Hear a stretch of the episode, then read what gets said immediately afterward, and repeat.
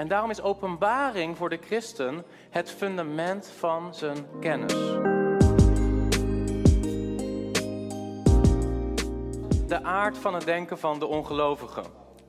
Efeze hoofdstuk 4, daar maakt Paulus duidelijk dat de ongelovige in zijn denken verduisterd is. Zoals we ook zagen in Romein hoofdstuk 1. En dan zegt Paulus in Efeze 4, vers 17: Dit zeg ik dan en ik getuig ervan in de Here, dat u niet meer wandelt zoals de andere heidenen wandelen, in de zinloosheid van hun denken, verduisterd in het verstand, vervreemd van het leven dat uit God is, door de onwetendheid die in hun hart is, door de verharding van hun hart. Zie je de keten waar we het net over hadden? Het begint bij een verhard hart vervolgens de verduistering van het denken en vervolgens een levenswandel die God niet meer verheerlijken kan.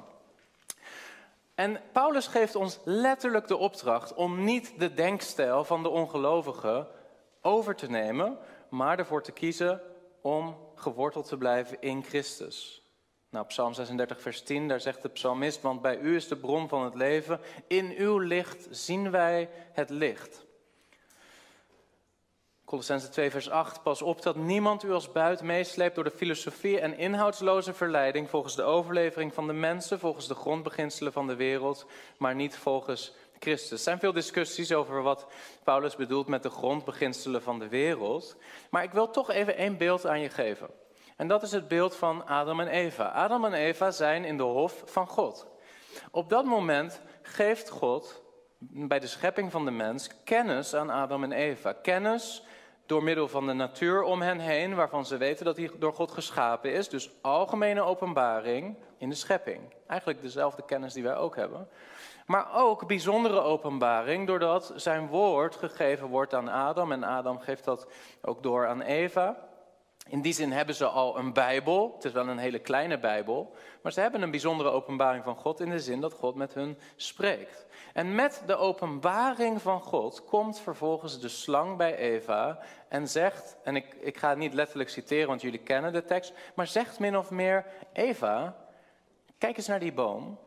Mag je daarvan eten? Heeft God gezegd dat je daarvan niet mag eten? Nou, dan herhaalt Eva een bepaald gebod wat God heeft gegeven. En dan spreekt de duivel het tegen en zegt: Nee, nee, nee. God weet, als je daarvan eet, van de boom van kennis van goed en kwaad, dan zul je zeker uh, zul je zijn zoals hij. En God had gezegd, u zult zeker sterven. Je zult sterven, sterven. Twee keer wordt het woord herhaald voor sterven. En dan staat er, Eva keek naar de boom met haar oog. En ze zag dat die goed was om van te eten. En dat het goed was om daardoor wijs te worden, verstandig te worden. Zie je, wat, wat gebeurt hier? Eva heeft twee kennisbronnen. Ze heeft de kennisbron van Gods openbaring door zijn woord en door de schepping. En ze heeft de kennisbron van haar eigen observatie en van haar eigen redeneren. En dat is de tegenstelling die vanaf het begin gecreëerd wordt. En uiteindelijk kiest ze natuurlijk voor wat haar oog ziet en wat haar eigen gedachten denken onder leiding van de duivel, verduisterd door de duivel zijn leugens. En ze eet ervan en ze zondigt. Dat is de aard nog steeds van het denken van de ongelovige. De ongelovige steunt op zijn eigen denkvermogen en zijn eigen vermeende neutrale observaties, niet wetende dat God een andere kennisbron heeft gegeven, althans die wel kennend, maar die onderdrukkend in zijn hart, namelijk Gods algemene openbaring, waaronder de sensus divinitatis, het ingeschapen godsbesef, en zijn bijzondere openbaring in zijn woord. Dan hebben we het gehad ook over de aard van het denken van de nieuwe mens in Christus. Wij zijn geroepen om anders te zijn, niet alleen in onze wandel, maar ook in onze denkstijl.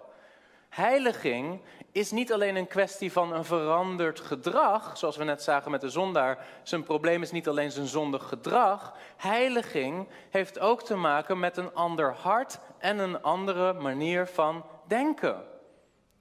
En dat maakt apologetiek moeilijk, want ons denken is als het waren geheiligd en gefundeerd in andere principes dan het denken van de ongelovigen. En daar is een tegenstelling. Ik zal even één tekst noemen, Colossense 2, vers 6 en 7. Zoals u dan Christus Jezus, de Heer, hebt aangenomen, wandel in Hem, geworteld en opgebouwd in Hem en bevestigd in het geloof zoals u onderwezen bent. Wees daarin overvloedig met dankzegging. Dus Paulus zegt, blijf geworteld in Hem. En dat geldt net zo goed voor je denken. Blijf in jouw denken geworteld in de openbaring van God. Nou is hier iets interessants wat Cornelius van Til zegt. Ik ga het gewoon voorlezen. Misschien snap je het niet meteen, maar het is wel belangrijk om te beseffen wat de invloed hiervan is op onze apologetiek.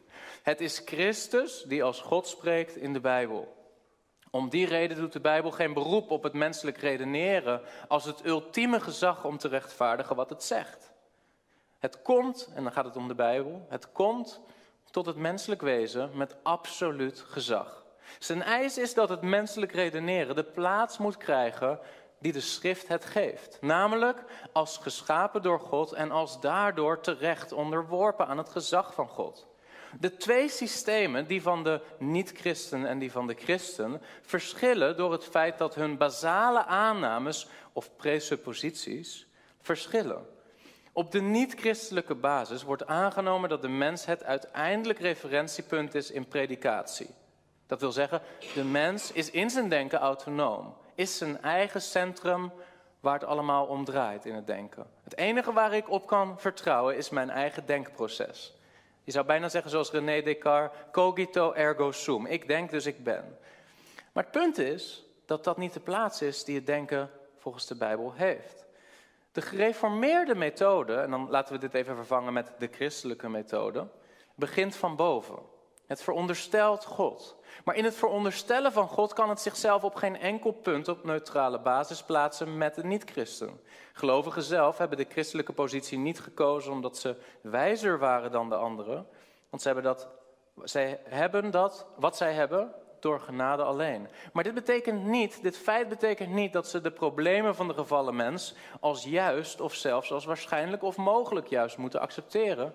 Want de essentie van het idee van de schrift is dat alleen de schrift het criterium is voor waarheid.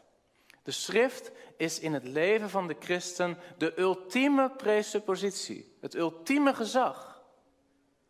De schrift heeft geen behoefte aan argumentatie om zichzelf te rechtvaardigen, net zoals dat God geen hoger gezag heeft om te bewijzen dat hij God is. Want als God naar iemand zou moeten wijzen om te zeggen: ga het maar aan hem vragen en dan zal hij je vertellen dat ik God ben, wat zou die hij dan zijn? Dan zou hij de daadwerkelijke autoriteit zijn. Maar het probleem is, er is geen grotere autoriteit dan God. Daarom zweert hij bij zichzelf. Waarom? Omdat hij bij niemand kan zweren die hoger is dan hij. En dit geldt net zo goed in ons denken. In ons denken is God de ultieme autoriteit. Zeg je, oh, maar dat is wel een beetje naïef. Dat is wel een beetje naïef. Want dan zit je toch in een cirkelredenering. Ja, maar als je ook maar iets anders zou nodig hebben om te bewijzen dat God God is, dan zou eigenlijk datgene wat je gebruikt God zijn. Dan is God niet het ultieme gezag. Dus ons argument vanuit presuppositionele apologetiek is niet zozeer om te bewijzen vanuit rationaliteit of vanuit bewijsvoering dat God God is, maar wat wij zeggen is, als je niet begint in je denken bij de christelijke God, dan heb je geen basis om te denken. Dan heb je geen basis om te vertrouwen in je observaties. Dan is er geen redelijke grond voor rationaliteit of voor empiricisme. Er is geen redelijke basis voor de wetten van de logica. Er is geen redelijke basis voor de uniformiteit in de natuur. Er is geen redelijke basis voor ethiek of moraliteit. En uiteindelijk is er dan geen redelijke basis voor dit gesprek. Maar blijkens het feit dat jij dit gesprek met mij voert, weet jij dus dat de God er wel is. Het feit dat jij dit gesprek met mij voert, betekent dat je weet dat de christelijke God waarachtig is. Uh, wat, wat zegt hij nou allemaal? Het ultieme bewijs voor de God van de Bijbel is dat als je niet begint met de God van de Bijbel, dat je geen reden hebt om bewijs te leveren. Er is geen filosofische grond voor bewijs, uniformiteit van de natuur, wetten van de logica, et cetera, et cetera. En daarom is openbaring voor de christen het fundament van zijn kennis. Heb je iets gehad aan deze video? Druk dan op like, dan zullen meer mensen deze video zien. En wil je vaker dit soort apologetische video's of podcasts beluisteren? Abonneer je dan op deze YouTube-video's of op Apple Podcasts, dan wel Spotify. God zegen.